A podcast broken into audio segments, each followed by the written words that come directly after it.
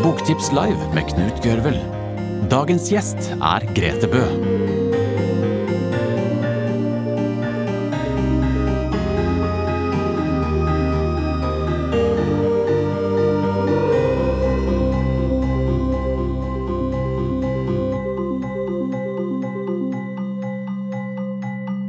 Eh, Grete Bø er filmskaper og forfatter med et brennende engasjement for Arktis. Hun har skrevet og regissert eh, internasjonalt prisvinnende spillefilmer og TV-serier. Og hun har studert filosofi og har bakgrunn som modell og skuespiller. I vinter brakdebuterte hun med den uhyggelige aktuelle arktiske thrilleren Mayday. Mayday ble eh, vinterens bestselgende norske krim, og den fikk strålende, strålende anmeldelser av Tor Hammerød i Nettavisen, som skrev noe jeg likte veldig godt. da. Den beste krimdebuten jeg har lest. Og nå er den solgt til åtte land. Ta godt imot Grete Bø!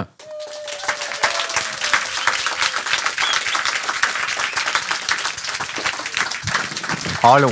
Hallo. Takk.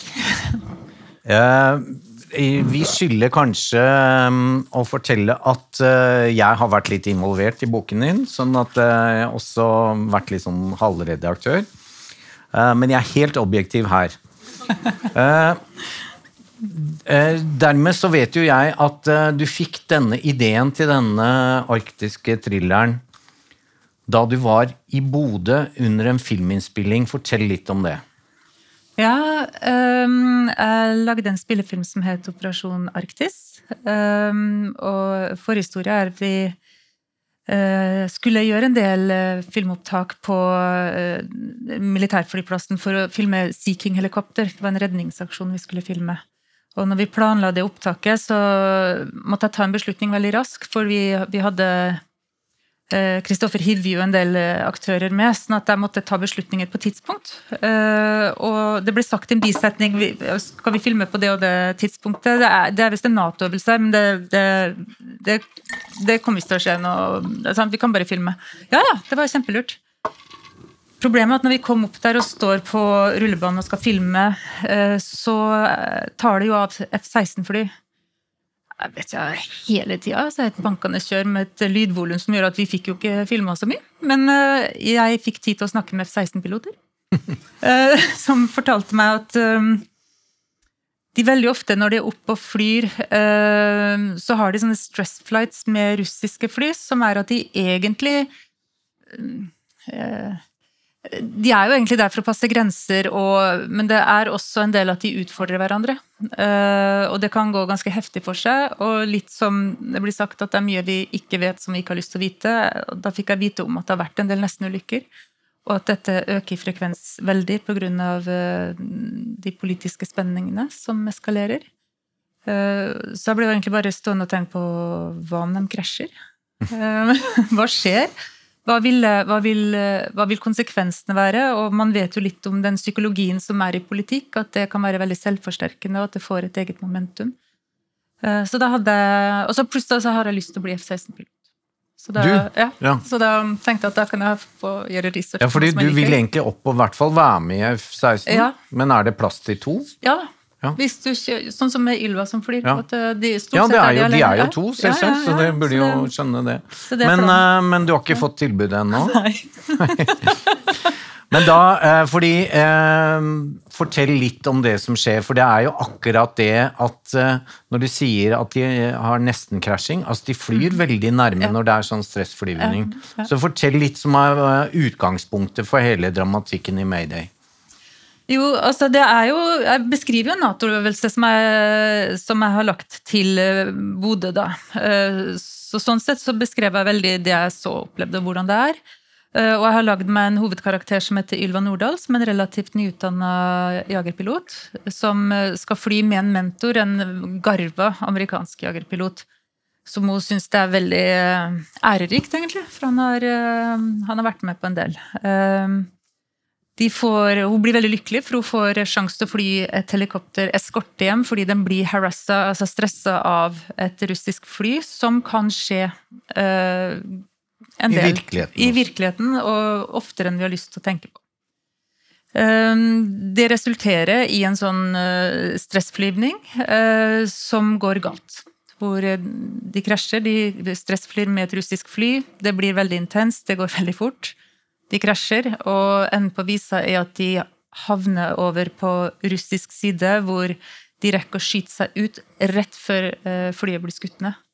Så Ylva og John havner da i Russland, på den russiske tundraen, og må komme seg tilbake til Norge. Og i tillegg så krasjer det flyet litt leit. Ja. ja. ja, altså ikke bare for dem, men det, det treffer på russisk side. Sånn at... Ja, sånn at sivile blir drept. Det, det blir en, et, en det blir en stor provokasjon også i Russland, fordi folk blir drept. Det krasjer i et, et befolka område som er med på å trigge en, en, et raseri mot Nato. Og det er jo allerede bygd seg opp en del tension knytta til Nato-baser som kommer stadig nærmere. Og at det blir stadig større øvelser tett mot russisk grense. Så dette opplevde de som en provokasjon og et angrep, egentlig. Potensielt angrep som de fikk avverga. Og dette er eh, rimelig realistisk i forhold til det du ja, har sjekket? Ja. ja. I tillegg, da, det er mange figurer her, vi skal ikke inn på så mange av dem, men du har også tatt uh, forteller om den andre piloten i stressflygningen, mm. Igor mm. Serkin. Fortell litt om han også. Mm. Nei, Igor er en uh, utrolig pliktoppfyllende, dyktig jagerpilot og en patriot. Uh, som er også en god familiefar. Han er en samvittighetsfull person. Han blir da sendt opp for å stresse dette norske helikopteret, fordi det flyr inn i internasjonal sone, men farlig tett på grensa. Og det er, det er, jo også litt fordi det er en Nato-øvelse, så er det litt ekstra på hugget, da. Um, så når denne stressflighten utarter seg, så uh, har ikke han noen mening om å skade F-16-flyet. Uh, mens når så skjer, og det havner på russisk side, og han får ordre om å skyte denne, så gjør han jo det. Det er jo, det er jo hans uh, jobb. Eh, han lander eh, og blir tatt imot som en helt fordi han har avverga det som kunne ha vært et angrep. Eh, selv vet han at det har vært en krasj. Han forteller for så vidt sine aller nærmeste overordnede dette, men blir bedt om å ikke si noe. At nå skal du bare ligge stille, du er en helt. Vi styrer narrativet utad herfra. Og han er jo veldig lojal og gjør som han får beskjed om, men etter hvert som han ser at det eskalerer mot uh, potensielt krig, uh, så får han veldig samvittighetskvaler. Fordi han føler at narrativet, konfliktnarrativet er basert på feil premiss. får rett og slett et sterkt Vi skal jo ikke avsløre alt, men det er klart at da vi nærmer oss tredje verdenskrig, Eh, fordi, og så må Ylva og John, som har styrtet på feil side i Russland, prøve å komme seg tilbake for å forklare hva som har skjedd. Eh, det som jeg syns var helt fantastisk eh, med denne, og kritikerne, er at du har skapt en kvinnelig heltinne. Altså sånn, endelig får vi en action Eh, kvinnelig jagerpilot. Fortell litt om eh, hva er inspirasjonen, og hvorfor har du skapt Ylva sånn som hun er? Jeg tror Ylva som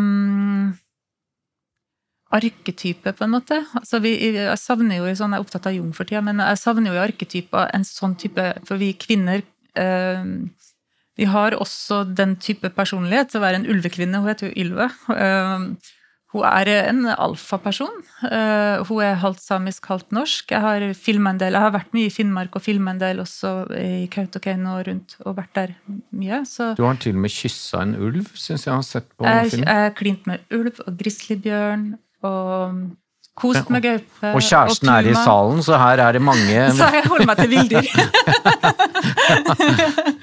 ja. ja. det er jo spesielle ting der, men vi er tilbake til Ylva. Ja. ja. Uh, uh, jeg tenker å skape en, en, eh, en karakter som målbærer uh, den kraften, uh, aggresjonen, som uh, kvinner har. hun idealiserer veldig faren sin som var jagerpilot. Hun har veldig behov for å stå opp mot det som hun syns er urett. men hun havner veldig ofte i konflikt med seg selv. en sterk del av det er at hun har samisk mor, som har slitt veldig mye psykisk, og hun frykter veldig den siden av seg selv. Hun er veldig redd for den eh, Både den minoritetsbakgrunnen hun har, men også det, det feminine og sårbare. Det, det frykter hun, for hun ser det som potensielt offer i verden slik den er. Litt ref det, det dere snakka om i sted. Og jeg syns det er en fantastisk sånn Endelig har vi en kvinnelig helt som du har vel nevnt det selv, at det er en sånn blanding kanskje av Pippi og Lisbeth Salander, eller noe sånt? Ja, og Jason. Vi bare tar ja. alle de kule inn. Det, ja. ja, og så er det der Det er det der å kunne kanalisere også det urkreftene. Altså, hun, hun har så mye urkrefter i seg. Og det, eh, det syns jeg er fint å kunne bake inn i en sånn type actionfigur, for veldig ofte er de litt sterile sånne actionhelter, syns jeg. Og så selvsagt så er det jo en mann i bildet, da. Og hva heter han? Storm? Ja, var det det? Ylva og Storm, du skjønner. Det er arketyper her. Men uh, fortell bitte lite grann om han før vi går på noe annet. Ja, han er jo cybernetiker eh, i Forsvaret, og de har møtt hverandre ganske nydelig. Cybernetiker må du nesten forklare. Cyberforsvaret. altså han, han, Cyber betyr jo å styre. Det er egentlig alle de styringsmekanismene som er digitalt nå. da. Eh, så han er ekspert på å komme seg inn på det mørke nettet og det cyber, cyber, eh, cyberforsvaret vi har. Eh, han, så han er dyktig på, på, den delen, da. Og de har møtt hverandre ganske nylig, og det er skikkelig passion. Ylva har litt sånn relasjonsfobi, men han klarer å gjør inntrykk. Eh, han får en veldig viktig rolle når det kommer til å finne ut hva som egentlig har skjedd, for denne ulykken utløser jo også mørke krefter på vestlig side som eh, profitterer på krig. Og det er jo et viktig tema. Eh, at det er noen som profitterer på konflikt og krig. Han får en viktig rolle for Ylva fordi han må jobbe mot klokka på norsk side for å finne ut hva som faktisk har skjedd, og få hjelp av Ylvas mor. Ja, Vi skal kanskje ikke avsløre for mye, men det er klart akkurat det temaet med at det er mange sterke krefter som tjener på høyt konfliktnivå mm -hmm. og krig, er jo en viktig del her. Men eh, jeg tenkte noe som også er morsomt, er at du har to uh, autentiske personer som uh, har en ekstremt viktig plass. Mm -hmm, ja. Jens og ja. Putin, fortell om det og hvordan du har brukt det. Ja, altså, jeg, jeg velger å ikke bruke navn, da. Ja, ja. Å, det er ikke så det vanskelig. Generalsekretær i Nato og president i Russland. Russland. ja, og, og jeg bruker veldig research på personene. Og, ja, ok. Ja, men Fortell litt, du har en sånn nydelig historie om Putin der. Den er bare sånn den rottehistorien. Den rotta. Ja. ja, altså, tingen jeg tenker, Når man prøver å forstå storpolitikk, så tenker jeg at de er jo mennesker, disse som sitter på toppen. Hvordan tenker de? Hva er det som trigger de? Hvilke motiver har de? Ehm, jeg prøver å forstå det for å forstå verden, rett og slett. For å forstå hvordan ehm, hvordan er trusselbildet, og hva er det som trigger de vi, særlig de vi tenker på som, som bad guys? da? Og Jo mer research jeg har gjort på Putin, jo mer sammensatt er han som person. Han er, han, han er, faktisk veldig fascinerende å lytte til, for han er ikke dum, altså. Men, og han kommer fra en sånn veldig fattig kommunalka i St. Petersburg og vokste opp under fattige kår. Han var veldig liten av vekst i et nabolag hvor det var normalt å bli banka. Eh, de, lekte, de bodde i en bitte liten leilighet sammen med en annen familie, med do liksom på gangen. og eh, Foreldre som hadde opplevd andre verdenskrig og var traumatisert og hadde mistet barn. og det var drama, drama. Eh, så han lekte da De hadde en lek med å jage rotter med en pinne. Og dette har han snakka om i flere intervju, og han har beskrevet dette sjøl. Så denne historien har jeg ikke funnet opp, han har, han har fortalt om den mye å jage rotter med pinner, og han så en skikkelig svær rotte som han begynte å løpe etter med en kjepp for å slå den og jage den. Ehm, og rotta løp nedover i en kjeller, inn i mørket, og han løp etter. Helt, rotta var helt oppi et hjørne, eh, hvor han sto og skulle slå, og så plutselig snur rotta seg og angriper han. Da er det han som løper, med rotta etter seg, og opp og ut, og klarer i siste liten å lukke døra bak seg. Ehm, dette denne historien forteller jeg vet ikke om den er sann, men han bruker det som en illustrasjon på at du skal stå opp, ikke la deg presse og jage, som Russland jo har følt etter murens fall. og eh, Sovjetunionens kollaps, så har han følt at Russland har blitt jagd, jagd, jagd. jagd. Eh, hans filosofi er at de stopper opp, snur seg og angriper tilbake. Fordi eh, hvis ikke vil de bare bli jagd for alltid. Og da forstår jeg jo mannen bedre. Det gjør meg jo ikke enig, og det gjør meg ikke trygg på han. Men jeg kan tenke ok, så det er slik han tenker, og tenke på hvem han var som barn, og hvordan han var, og hva som har påvirka han til å bli som han er. Eh, menneskeliggjør disse store lederne, som for oss er abstrakt. Det, altså Trump, traumatisert barn med store farskompleks etc. Altså, det er interessant å se hvordan disse lederne faktisk er mennesker og har vært barn, og de har blitt forma, og jo mer vi forstår av motiv og sårbarheter, så kan man i større grad kanskje også navigere for oss. En annen sårbar mann er jo generalsekretær i Nato, som jeg tenkte var Jens, da. Ja. Eh, Men han, de har jo også møttes, som du skriver, Ja. og det skjedde også i virkeligheten. Ja, de har en historikk, han Mm. og Putin, faktisk, når de var statsledere for første gang, begge to.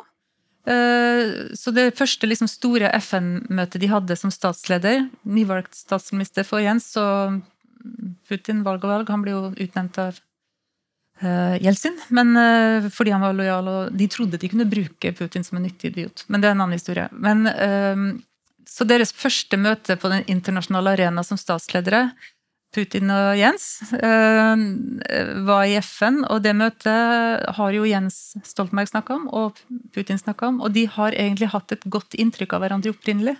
Nå er det jo ikke så vennlig stilt overfor hverandre, men eh, Hvem er rotta? ja, hvem er Ok, men- Veldig godt spørsmål. ja. Du, vi må snakke litt om, altså, som jeg introduserte deg som, du er jo vellykket regissør, du skriver manus eh, både til spillefilmer og serier, prisbelønt i utlandet, og så plutselig så tenkte du, hva med å bli forfatter? Hvordan, hvorfor i all verden, og hvordan har overgangen vært? Um, Jeg skrev faktisk Mayday som spillefilm først, spillefilmmanus. uh, Og det ble møtt med interesse, men man sa at den var for dyr og for stor og for omfattende. Det er jo sånn F-16-fly, eksplosjon og krasj. Og det var det gøyeste med å skrive. Jeg kan Og du kan gjøre hva du vil i en bok. Ja. Det kan bare smelle som det. Um, så da hadde jeg det manuset, og det var litt vanskelig å få det opp i produksjon. Uh, og så kom jeg jo på den ideen Jeg husker ikke, vi, vi snakka sammen i en sammenheng, og så fortalte jeg vel om det, tror jeg. Vi var vel på en fest, Ja, jeg tror vi var på fest, og så Jeg husker ikke helt hvordan vi kom inn på det. Men du eh, sa deg villig til å lese det, og Torkel Damhaug også. Um, Kan si det sånn, det var innmari langt unna, så det er håp for alle. Ja, ja. ja, altså, ja det men, det, men det har vært en sånn kjempestor reise å gå fra å skrive manus til bok. Det, det er Det tok ganske lang tid å frigjøre meg fra alle premissene som er i et manus. Altså Jeg har jo egentlig brukt hele livet på å lære meg å ikke skrive litterært. Ikke sant? Det er å skrive interiørt, dag, ikke sant? Øh, Hvor er vi? Beskrives Beskrive kontekst. I presens Ja, I et spillefilmmanus Ja. er det ingen tanker, ingen ingenting, følelser, bare sånn. ingen øh, indre monolog, ingen og, og ikke beskriv ting blomstrende. Det skal bare være presist, fordi at staben leser det som et arbeidsdokument. Det er ikke poesi, det er ikke Så det å liksom besvangre teksten med, med et poetisk språk, øh, og kunne ha et litterært språk, det, det, det brukte jeg ganske lang tid på. For at jeg, holdt igjen, jeg holdt igjen. Det kjentes nesten forbudt å bruke blomstrende språk, og være assosiativ og gå inn i tanker og følge en lang tanke. Det, det, var nest, det, det kjentes veldig frekt og ulovlig. Men hvordan var det da å få sånn den beste krimdebuten ever, liksom, i anmeldelser? Ja, det skjønner jeg ikke noe av. Nei. Nei, jeg syns egentlig, Knut, at det var helt vilt at jeg får gitt ut en bok. Det er jo i seg selv det er, Og så har Ylva da skal ut og fly nå i åtte land. Hva tenker du rundt det, da? Jo, Det er Storbritannia, Nederland, Italia, England, eh, ned, ja, Tyskland, Finland, Estland, Sverige, Sverige, Danmark. Ja. Og så videre. Ja. ja, en liten applaus. Det er jo en herlig flytur, da. Ja, ja, Men det har ikke kommet ennå. Det første har ikke kommet til oversettelsene. Nei, jeg er superspent. Altså, det er jo Wow, tenk shit, ass. At Mm. det skal sitte folk der og lese. Det er jo helt Eh, Men da eh, lurer jo vi som har lest det på, og det er mange, men jeg det, håper det blir flere. Eh, Hva skjer nå da? Kommer det flere bøker med Ylva? Ja. Ja. Jeg klarer ikke å la være, man blir litt hekta. Er det noe du kan røpe, eller er det Jeg kan si at jeg følger veldig når jeg får ideer, så, så følger jeg veldig det jeg selv er nysgjerrig på, det jeg, det jeg har lyst til å forstå. Det er mye i verden jeg ikke forstår. Og relasjonen til Kina forstår jeg ikke. Altså, hva er det som egentlig bygger seg opp der? Og hvordan tenker kineserne? Å komme seg virkelig inn Og det er jo, Jens Stoltenberg har jo sagt at det han frykter mest, er Kina, fordi de forstår det ikke. Eh, Så nå er, eh, har Ylva med å redde verden igjen, selvfølgelig, men det, er prøven nå faktisk å komme eh, forstå konflikten vi har med Kina.